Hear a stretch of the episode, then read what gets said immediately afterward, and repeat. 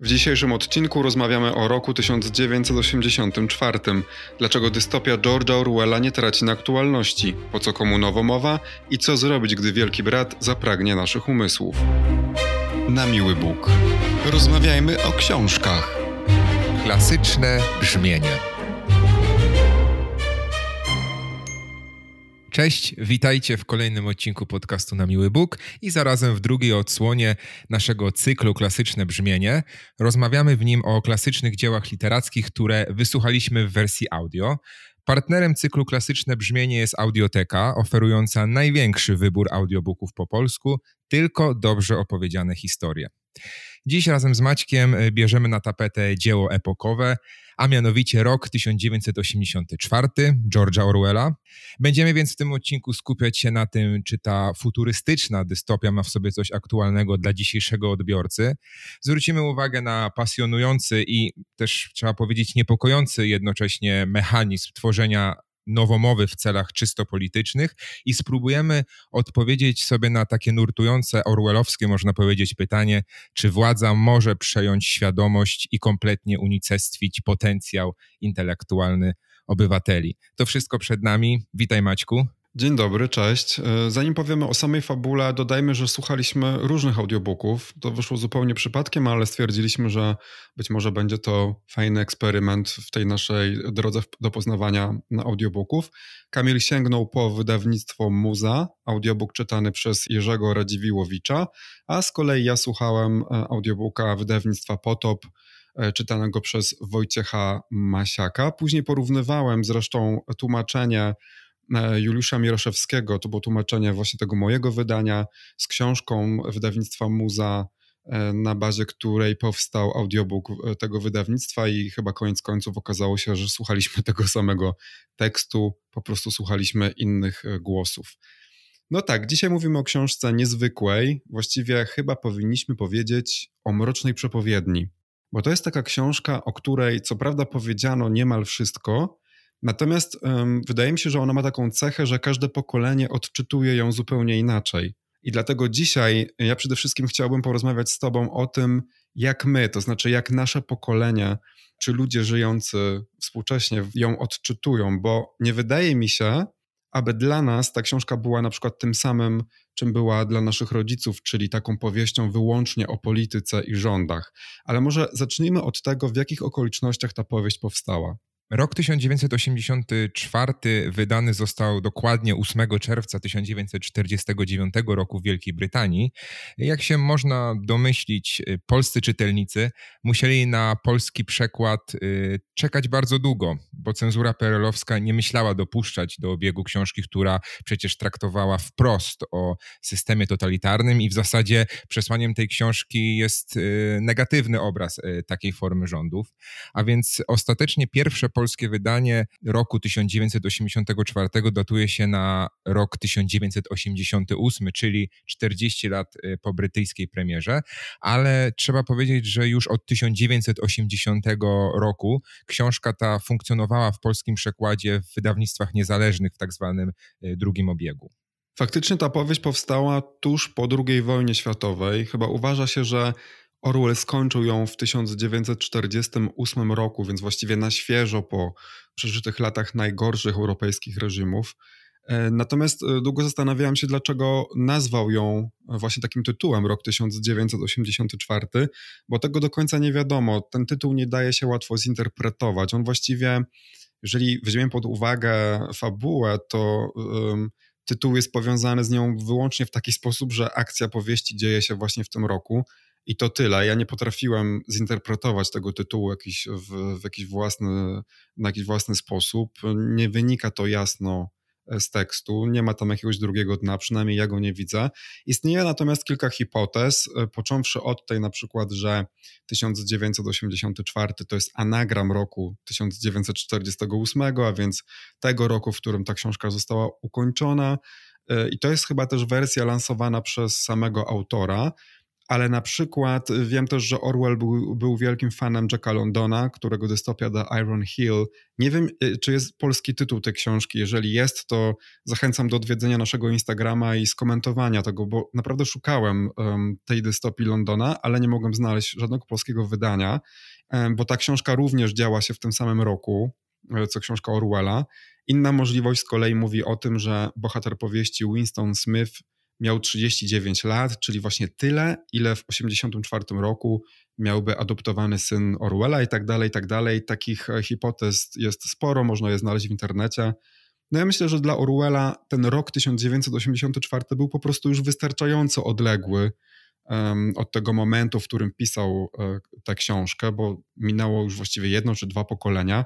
To jest chyba wystarczająco dużo, aby w takim czasie móc umieścić futurystyczną dystopię, Jednocześnie na tamte czasy, kiedy on to pisał, kiedy to wydał, to było dosyć wiarygodne. To znaczy, wydaje mi się, że naprawdę nic nie stało na przeszkodzie, aby za 35 lat, czyli od momentu właśnie napisania tej powieści, losy świata potoczyły się dokładnie w ten sposób, jaki to opisał.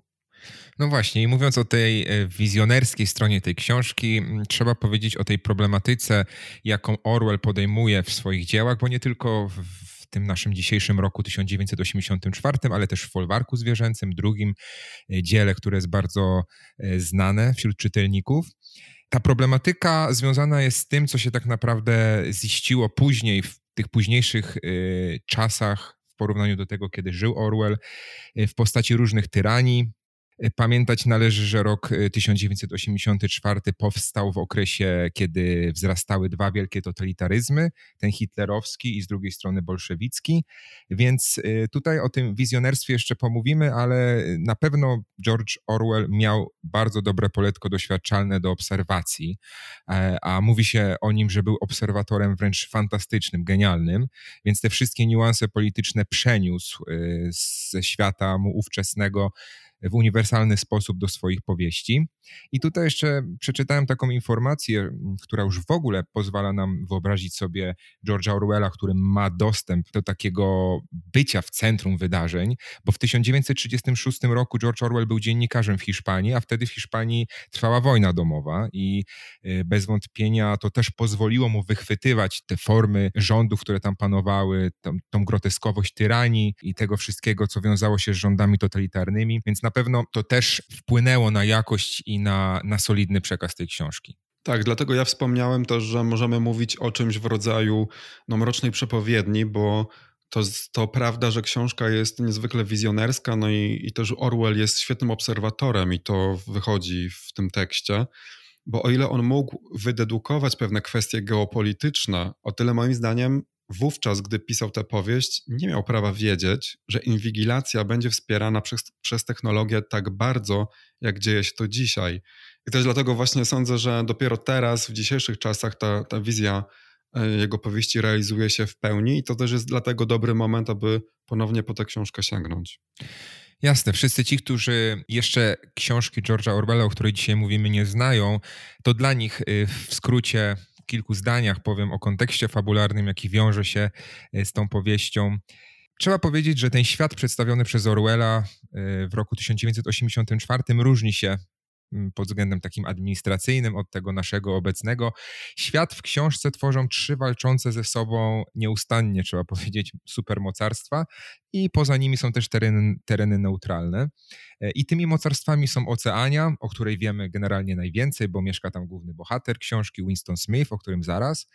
E, I Oceania to nie są tak jak dzisiaj tylko okolice Australii, ale przede wszystkim są to obszary Wielkiej Brytanii, gdzie właśnie mieszka główny bohater Stanów Zjednoczonych i też innych krajów, e, między innymi Ameryki Południowej.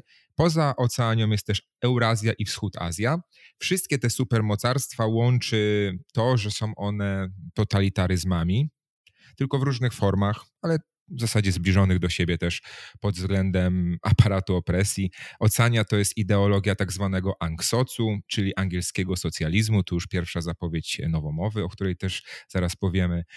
W Eurazji z kolei jest neobolszewizm, a wschód Azja to tak zwany kult samozniszczenia, tak to brzmi bardzo enigmatycznie, czyli ideologia nie ja.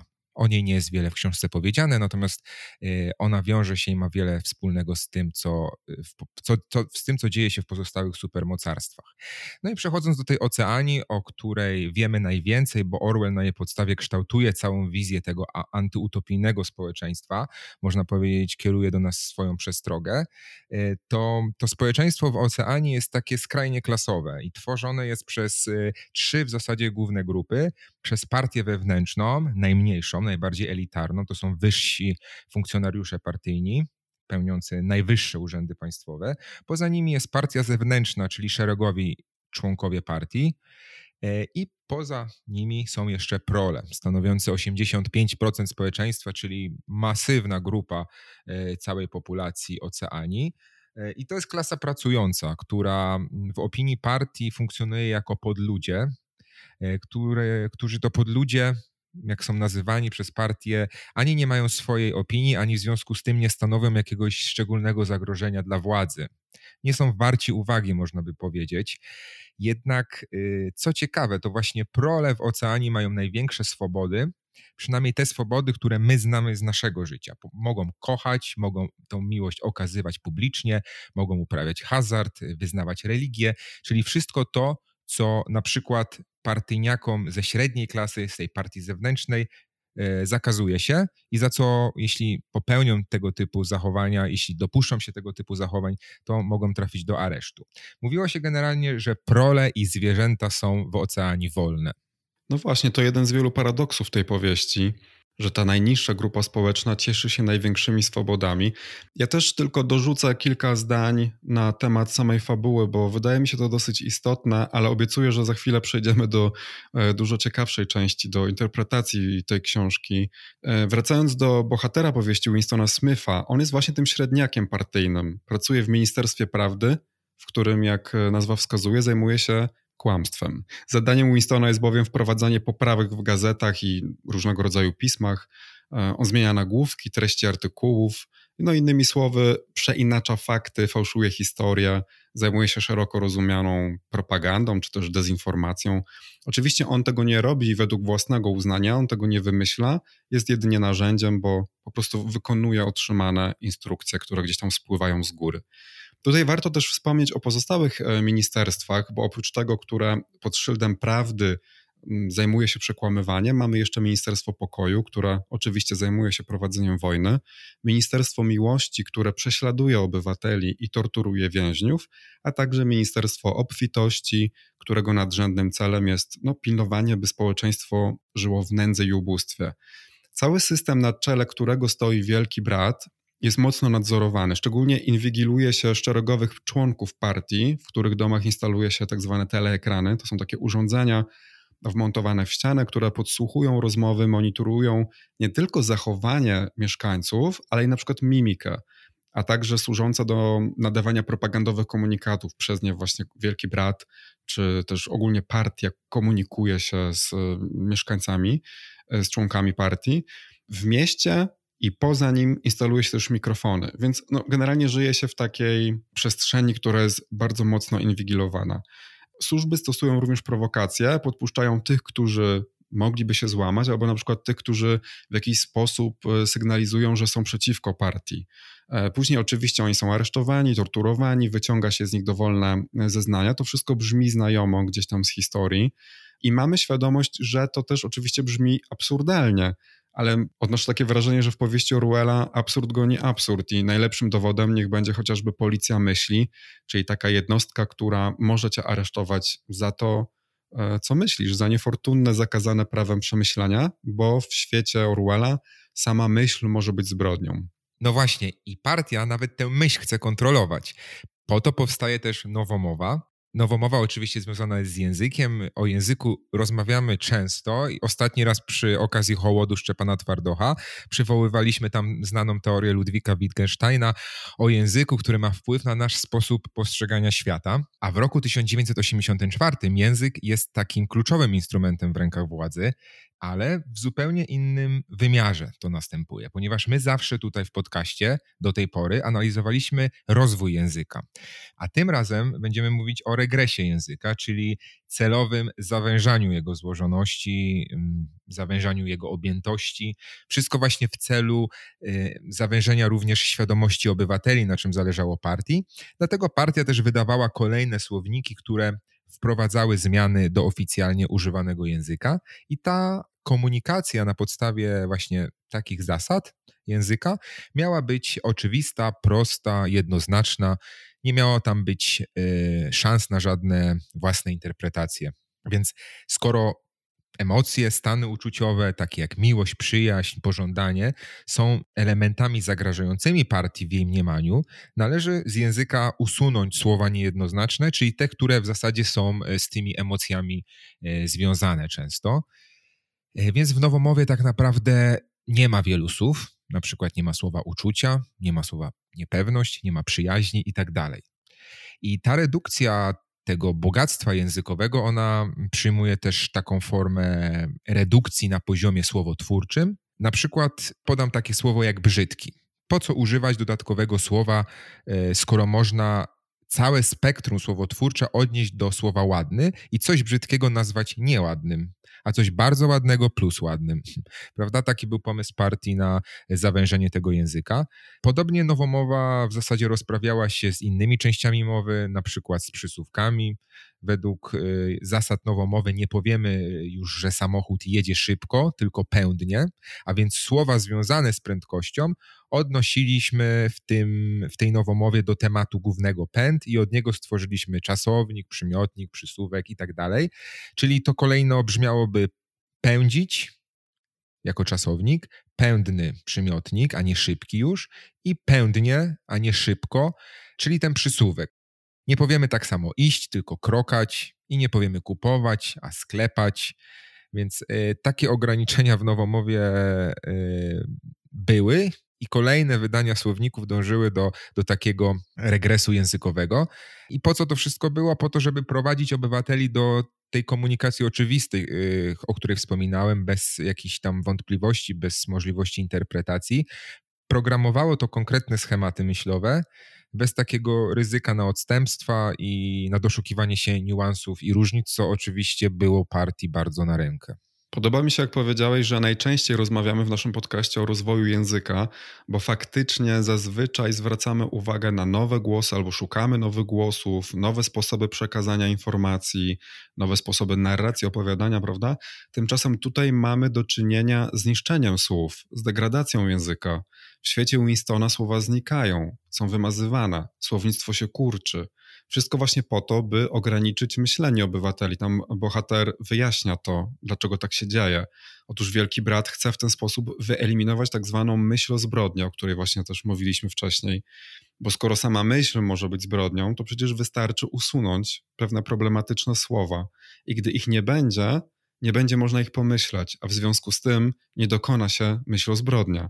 To oczywiście tak sobie teraz możemy myśleć, że nie wydarzy się w jednym pokoleniu, bo trudno pozbawić ludzi e, pewnych obszarów pamięci językowej na przykład, ale może będzie potrzeba kilku dekad, aby ludzie zapomnieli pewne słowa. No, aczkolwiek też należy pamiętać o tym, że Wielki Brat zna przecież sposoby do przekonywania kogoś, chociażby do tego, że 2 plus 2 równa się 5. E, fascynująca jest e, wizja języka jako jednego z najpotężniejszych narzędzi i chyba jeszcze bardziej fascynująca jest zaprezentowane przez Orwella właśnie to kontrolowanie sposobu myślenia poprzez ograniczanie języka. Bo znowu przypomina mi się taka prastara funkcja pisarzy i pisarek, która polega na nadawaniu rzeczom różnych nazw, na nazywaniu. I możemy się na przykład zastanowić, co zatem się stanie, jeśli na przykład jakieś słowo z naszego języka nagle zniknie, na przykład góra. Bo tak to kiedyś wyglądało. Ktoś ją kiedyś zobaczył i tak ją nazwał. I od tamtej pory tak nazywamy górę, prawda? I teraz, jeśli to słowo zniknie, jeśli zostałoby w jakiś niewytłumaczalny sposób usunięte z naszych umysłów, ze słowników, to jak zaczniemy nazywać górę? Może zaczniemy ją ignorować. Może będziemy patrzeć na krajobraz i gór nie będziemy widzieć. To jest fascynujące. Jakiś czas temu głośnym echem odbiły się badania językoznawców z brytyjskiego Uniwersytetu Surrey.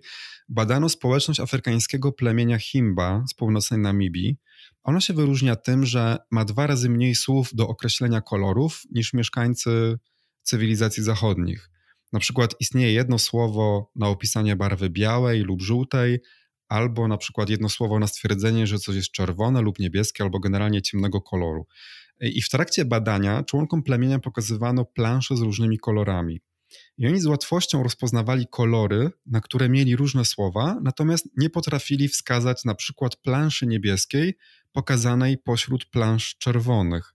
To ponoć osłupiło w ogóle badaczy wyniki tego eksperymentu. Okazało się, że członkowie plemienia nie potrafili odróżnić koloru niebieskiego od innych kolorów. Nie mieli bowiem odrębnego słowa na kolor niebieski, a w związku z tym nie widzieli go jako odmienny od czerwonego. Niesamowite jest to, że wystarczy, że nie masz jakiegoś słowa na daną rzecz i jej po prostu nie widzisz, przestajesz ją widzieć, przestajesz ją odróżniać od innych rzeczy, które są w sąsiedztwie. Natomiast co ciekawe, świetnie rozpoznawali za to różne odcienie zielonego, bo na każdy z tych odcieni mieli odrębne słowo. Z kolei dla badaczy te odcienie były niemal nie do odróżnienia, no bo, bo jakby dla nas wszystkie te odcienie były po prostu kolorem zielonym.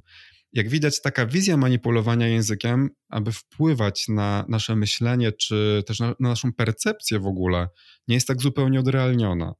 Natomiast skoro mówimy o rozszerzaniu języka jako poszerzaniu naszych granic, to oczywiste też będzie, że zawężanie języka ogranicza nasz, nasz światopogląd i niech pierwszym przykładem z naszego podwórka będą feminatywy. W jakiś, w jakiś sposób one naturalnie przyszły mi do głowy, gdy czytałem tę książkę, bo tak sobie pomyślałem, dlaczego walka o feminatywy jest tak zażarta bo mam takie wrażenie, że ich pełna akceptacja oznaczałaby e, przyznanie racji środowiskom feministycznym. I zwróćmy uwagę, że przeciwnikami feminatywów są głównie właśnie środowiska mocno konserwatywne. No ja mam podobne przemyślenia, też myślałem o tych feminatywach jako o czymś, czego nie używamy i jednocześnie wpływa to na nasze postrzeganie świata. Ja ogólnie w swoim audiobooku miałem na końcu bardzo fajny dział. Był to aneks, który tłumaczył zasady tworzenia nowomowy w oceanii e, i on też jakby był stworzony przez George'a Orwella.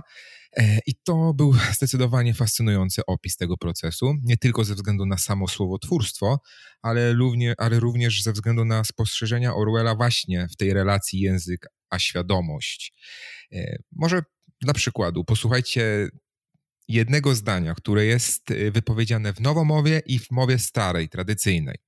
W nowomowie to zdanie brzmi: Staromyślaki bezkiszkoczują anksoc. Zdanie analogiczne znaczeniowo w mowie starej brzmiałoby: Ludzie, których światopogląd ukształtował się przed rewolucją, nie rozumieją socjalizmu angielskiego we właściwy emocjonalny sposób. Jest różnica, prawda? Mhm. Ja ten aneks czytałem wiele lat temu, bo miałem właśnie książkę drukowaną właśnie wydawnictwa Muza, czyli to, co na podstawie czego ty słuchałeś audiobook, ale z kolei w moim audiobooku nie było właśnie tego aneksu. E, to bezkiszkoczują, to od czego pochodzi? No to jest kiszkoczuć, czyli y, jakby forma taka niezaprzeczająca. Y, to jest tak jakby ślepo i entuzjastycznie coś akceptować. Okay. No i pewnie mm, jest to tak bezwarunkowy entuzjazm i tak bezwarunkowa akceptacja, że wyraża się na poziomie fizycznym, gdzieś w kiszkach właśnie, jak motyle w brzuchu na przykład, mm -hmm. też tak mówimy. E, a dodając właśnie przed tym czasownikiem nowomowy przedrostek bez, tworzymy zaprzeczenie, więc już nie kiszko czujemy, tylko bez kiszko czujemy, e, czyli nie czujemy właściwie emocjonalny sposób tego socjalizmu angielskiego. No i takie mamy pełne znaczenie tego, tego, tego zdania. Natomiast mówimy cały czas o tym świecie przedstawionym i o zasadach funkcjonowania oceanii, a warto już chyba przejść do tego, o co chodzi nam w tym odcinku, czyli o połączenie pomiędzy rokiem 1984 a rokiem 2023, który trwa, bo przecież, tak jak wspomniałeś, o tej książce powiedziano już w zasadzie wszystko, a na pewno bardzo wiele, ale ciągle na nowo możemy interpretować nawiązania tej powieści do czasów nam e, obecnych. Ile takich nawiązań widzisz w tej książce i jakie widzisz w odniesieniu do, do dzisiejszego dnia? Ja ich widzę bardzo dużo, chyba przerażająco dużo bym powiedział. I tak jak wspomniałem na początku, wydaje mi się, że wizja Orwella spełniła się właśnie nie tyle w latach 80. czy 90., kiedy ta książka pojawiła się w Polsce po raz pierwszy w takim oficjalnym obiegu, tylko właśnie teraz, powiedzmy, że w ciągu ostatnich dwóch dekad. Począwszy od wielkiego brata, słynnego Big Brother, prawda, który na stałe zadomowił się w naszej popkulturze, czyli kogoś, kto podgląda, inwigiluje w powieści nie wiemy właściwie, czy Wielki Brat to jest konkretna osoba, jakiś lider, czy to jest po prostu emanacja partii. Natomiast myślę, że przez lata odczytywaliśmy Wielkiego Brata no, w taki sposób dosłowny, czyli jako rządy, które inwigilują swoich obywateli, a dzisiaj jest na przykład dla mnie jasne, że Wielkim Bratem są właśnie korporacje technologiczne nie chciałbym siać po strachu, czy brzmieć jakoś tak bardzo spiskowo, ale faktem przecież jest, że jesteśmy śledzeni na każdym kroku. Weźmy na przykład nasz telefon komórkowy, który jest jednocześnie nadajnikiem właściwie do przesyłania naszego położenia. Jeśli korzystamy z geolokalizacji, a naprawdę założę się, że większość osób z niej korzysta, dostawca usługi wie, którędy i gdzie chodzimy, gdzie właśnie przebywamy, jak dużo czasu spędzamy w sklepie A, a na przykład ile w restauracji B, Wie właściwie wszystko o naszych nawykach, bo wie, o które wychodzimy z domu, e, wie, czy chodzimy do kościoła, wie, jaką mamy orientację seksualną czy poglądy polityczne, bo na przykład, gdy dołączamy do jakiejś um, demonstracji, to łatwo z tego wyciągnąć wniosek na temat naszych poglądów, jeżeli, szczególnie jeżeli to są takie zachowania powtarzające się. I to wszystko naprawdę da się wyciągnąć z tego typu danych.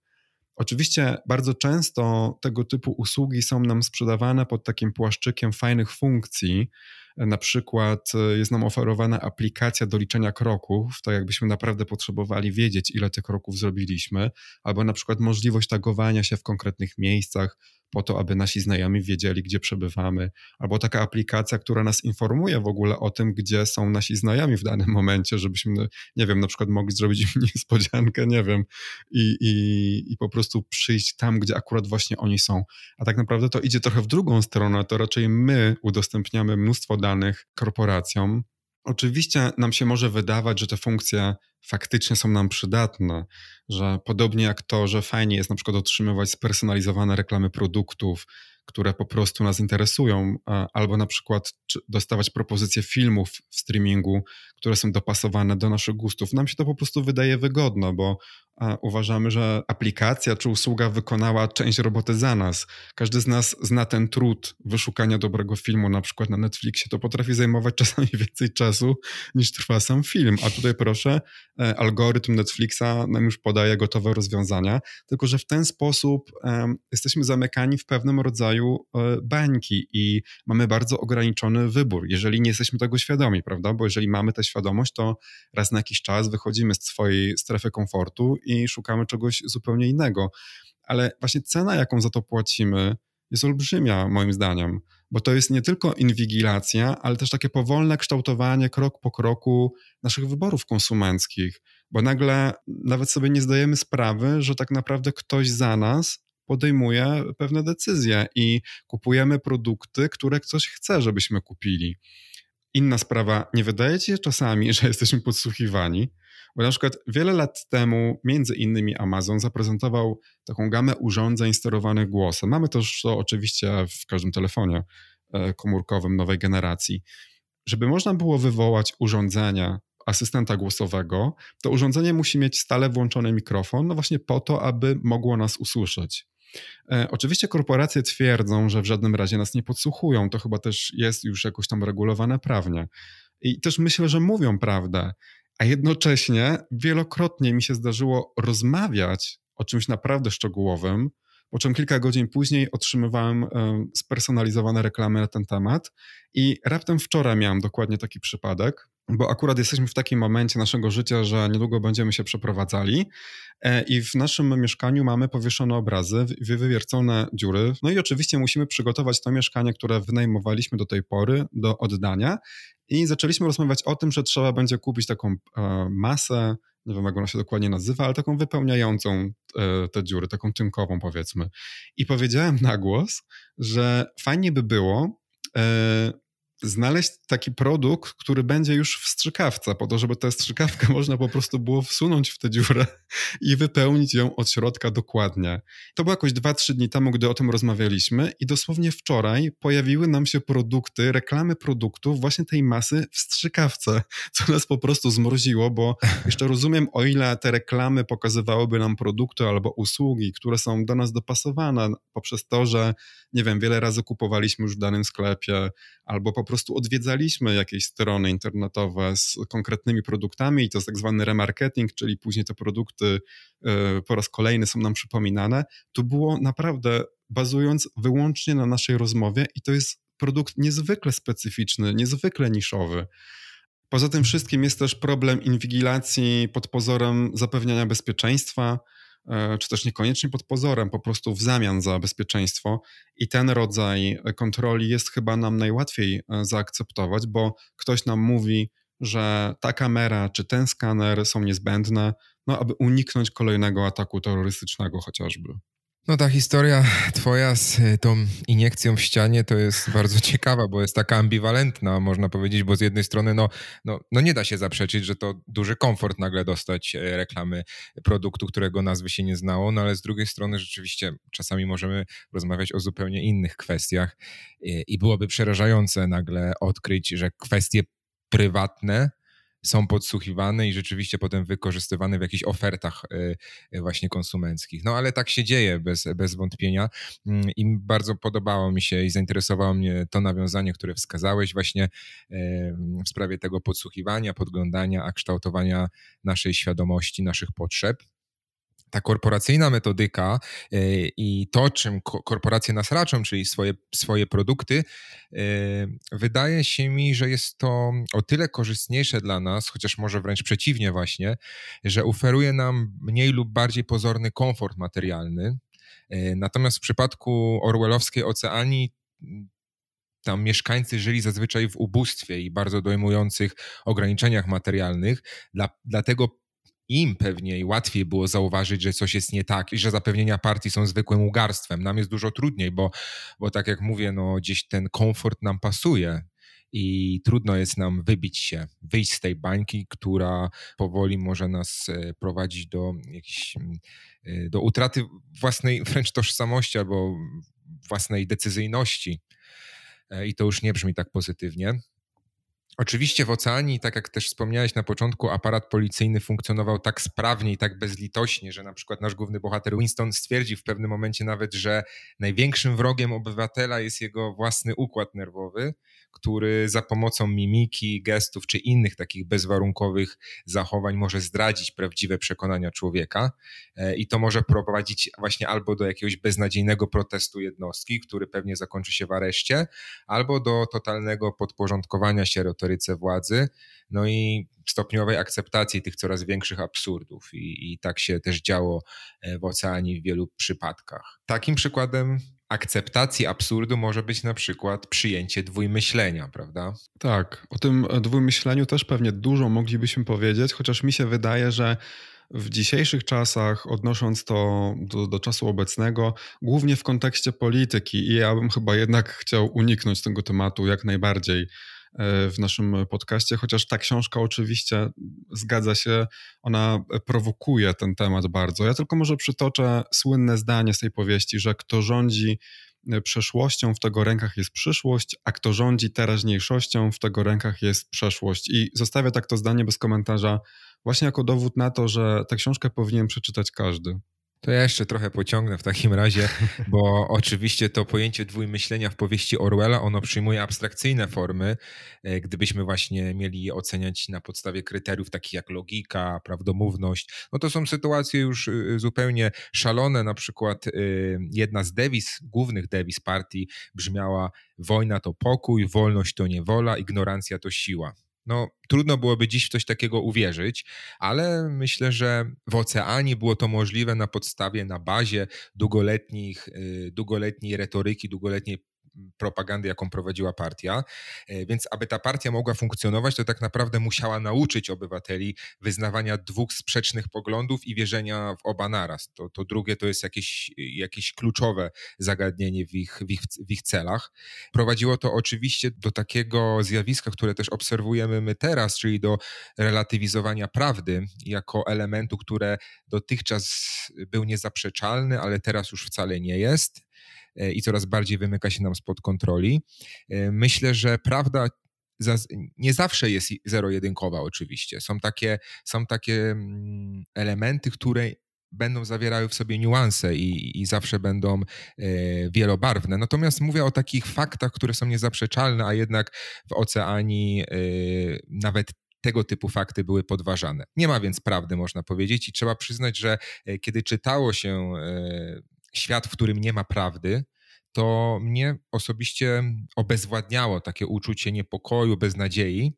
Natomiast y, to społeczeństwo orwellowskie, ono też popadło już w pewnego rodzaju rutynę, bo pewna retoryka była powtarzana non-stop. E, I tak jak mówisz, obecnie oczywiście to dwójmyślenie w naszym świecie dotyczy przede wszystkim sfery politycznej, e, gdzie nie ma już jednoznacznych autorytetów historycznych, zmienia się retoryka a propos wydarzeń, o których na przykład jeszcze kilkanaście lat temu mówiło się zupełnie inaczej, podważa się zdania ekspertów, powołuje się na ich miejsce swoich, wybiera się fragmenty historii, które pasują potwierdzaniu naszych reguł, a te inne fragmenty historii się specjalnie pomija, bo one już wtedy tej teorii przeczą i tak dalej. Ale wiesz co powiedziałeś, że w dzisiejszych czasach trudno by było uwierzyć, że wojna to pokój i tak od razu mi się skojarzyło, że przecież te wojny, które prowadzi Rosja, ta wojna, która jest teraz w Ukrainie, jest właśnie oparta z punktu widzenia rządu rosyjskiego właśnie na tym sformułowaniu, na tym oksymoronie, że wojna to pokój. Rosja prowadzi wojnę i tłumaczy swoim obywatelom, że ta wojna jest w celu zaprowadzenia pokoju. Nie? Więc jakby to mamy żywe przykłady w bliskim sąsiedztwie. Natomiast ja bym chciał jeszcze powiedzieć o tym, że istnieją e, już takie społeczeństwa, jak to przedstawione przez Orwella, społeczeństwa orwellowskie. Przecież w taki właśnie sposób funkcjonuje od dawna Korea Północna. E, propaganda, prawda, inwigilacja, kult partii wodza, mamy tam indoktrynację już od dziecka, e, cały kraj jest izolowany na arenie międzynarodowej, służby są niezwykle opresyjne, stosuje się tortury, wymuszanie zeznań, to wszystko tam jest. Natomiast w całkiem e, podobną stronę, może już nieco bardziej cywilizowaną, albo no tak tylko nam się pewnie wydaje, idą na przykład Chiny. Bo wspomnieliśmy dzisiaj o tych teleekranach, które monitorowały życie obywateli oceanii, i takie rzeczy, takie urządzenia są już obecne w Chinach. Może nie urządzenia, ale powiedzmy techniki, technologia. E, w Chinach wszechobecne są przecież kamery, które śledzą obywateli, rozpoznają ich twarze i przyznają punkty za zachowanie. Nie wiem, czy to jest już w całym kraju, czy tylko w jego wybranych częściach, jakieś takie programy pilotażowe, ale faktycznie stosuje się tam e, systemy zaufania społecznego, dostaje się punkty, na przykład jeśli segregujesz odpady, możesz stracić te punkty, jeśli na przykład grasz za dużo w gry komputerowe. Punktuje się również to, jakie strony przeglądasz, co piszesz w sieci, jakich masz znajomych. Jeśli na przykład masz za mało punktów, to oczywiście nie masz dostępu do niektórych usług. Jak masz ich wystarczająco dużo, to jakby to spektrum ci się znacznie poszerza. Jeśli nie masz wystarczającej liczby punktów, nie możesz iść na studia, nie możesz realizować na przykład e, jakiegoś tytułu naukowego, e, czekasz dłużej na przyjęcie do lekarza albo szpitala. E, nie możesz dostać kredytu, e, nie zarezerwujesz pokoju w dobrym hotelu, nie zostaniesz wpuszczony na przykład do prestiżowej restauracji. E, I po raz kolejny muszę przywołać serial Czarne Lustro, bo w jednym z odcinków mamy to świetnie pokazane w taki przerysowany sposób, jak mogłoby wyglądać właśnie nasze życie kontrolowane przez tego typu system zaufania społecznego. Raptem wczoraj sobie właśnie odświeżyłem ten odcinek E, on idealnie pokazuje, jak żyłoby się nam w takim świecie, w którym obowiązuje coś w rodzaju rankingu obywateli, tak jak w Chinach, gdzie istnieją właśnie cztery grupy, cztery kategorie ABCD i przyznawane są nam punkty. Dla nas to jest oczywiście wciąż jakaś taka groteskowa dystopia, którą sobie możemy obejrzeć w, może w zabawnym, może w przerażającym serialu na Netflixie, natomiast właśnie dla wielu mieszkańców Chin, no to jest rzeczywistość, to jest codzienność. I to jest taka codzienność w świecie, w którym uzmysłówmy sobie to, że na jednego mieszkańca przypada półtorej kamery przemysłowej i ostatnio gdzieś czytałem, że uważa się, że w ciągu następnych kilku czy kilkunastu lat e, właściwie tam będzie dwa razy więcej e, kamer niż mieszkańców. Przypomnę, że w Chinach żyje półtora miliarda ludzi, czyli praktycznie no, prawie 20% światowej populacji. To jest absolutnie niezwykłe.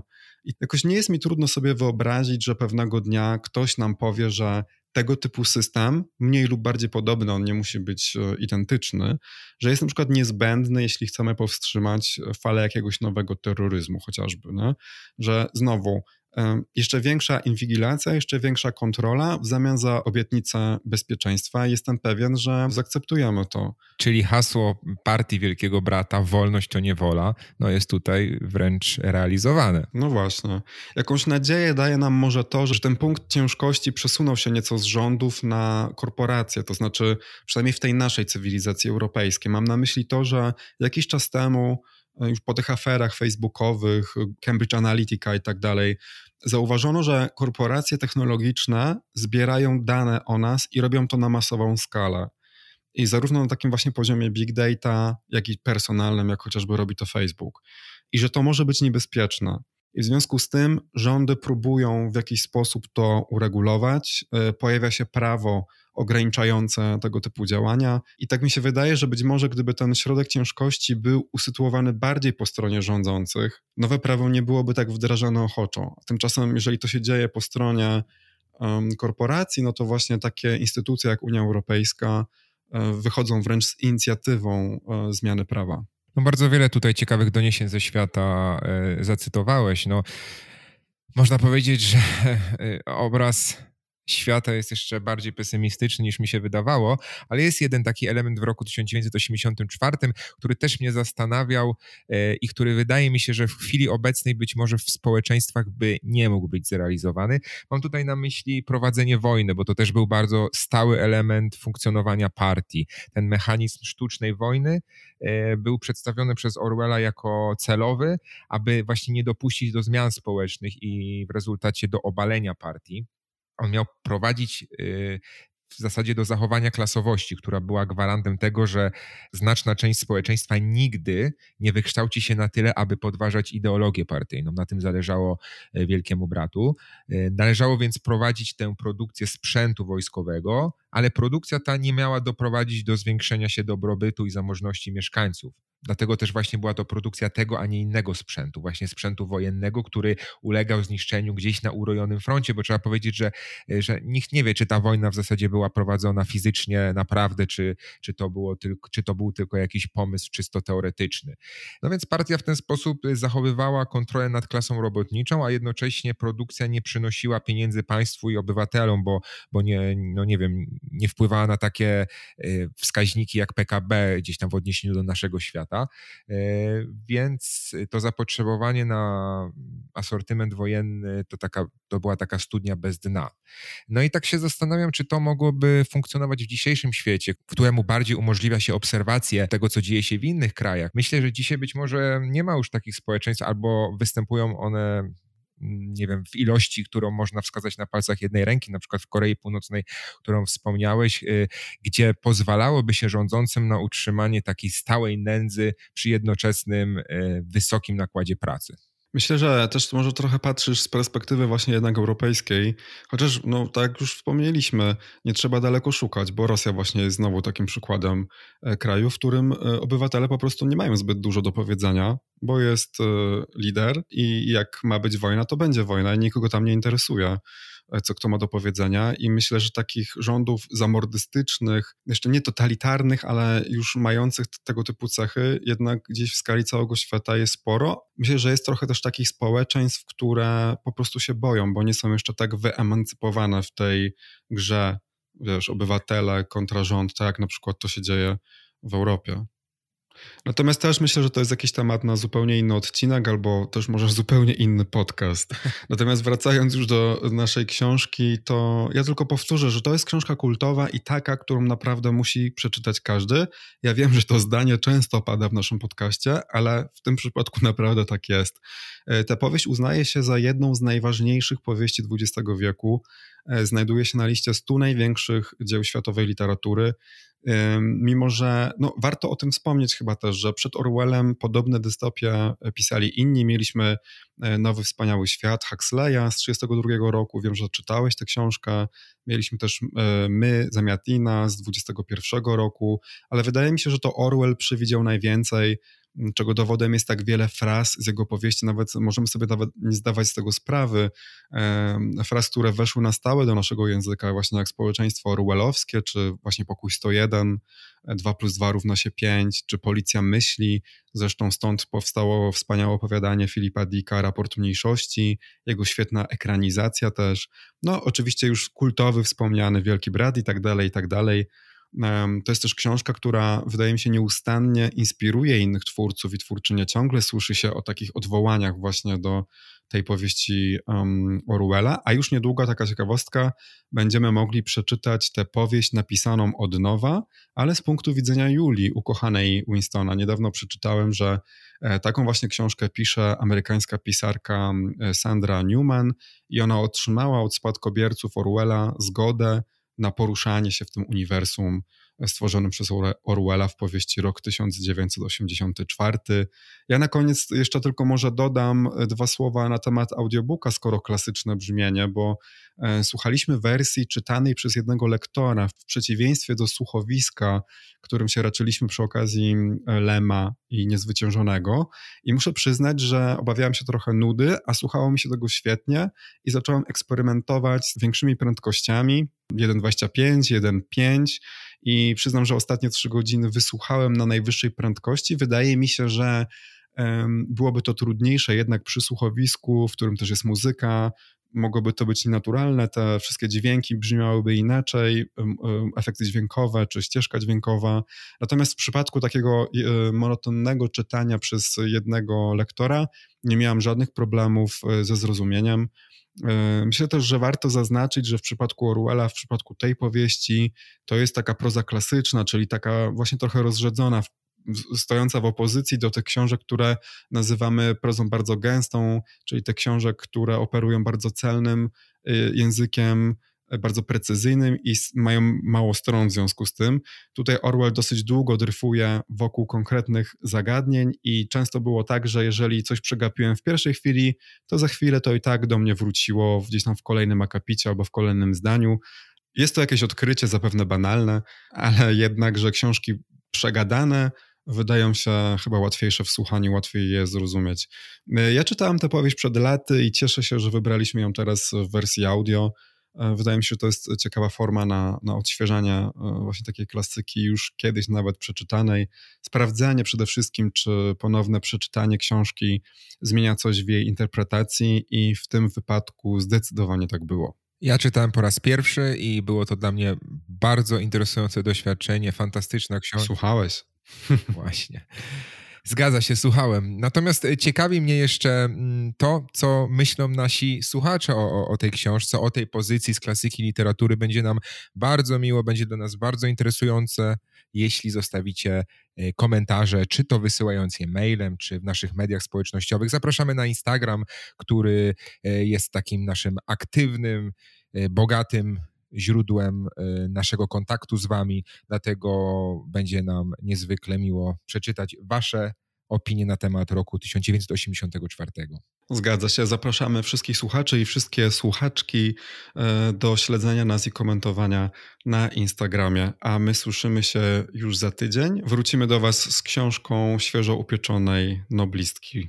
Partnerem cyklu Klasyczne Brzmienie jest Audioteka, tylko dobrze opowiedziane historie i największy wybór audiobooków po polsku. Dzięki bardzo, do usłyszenia. Dzięki, do usłyszenia. Na miły Bóg. Rozmawiajmy o książkach. Klasyczne brzmienie.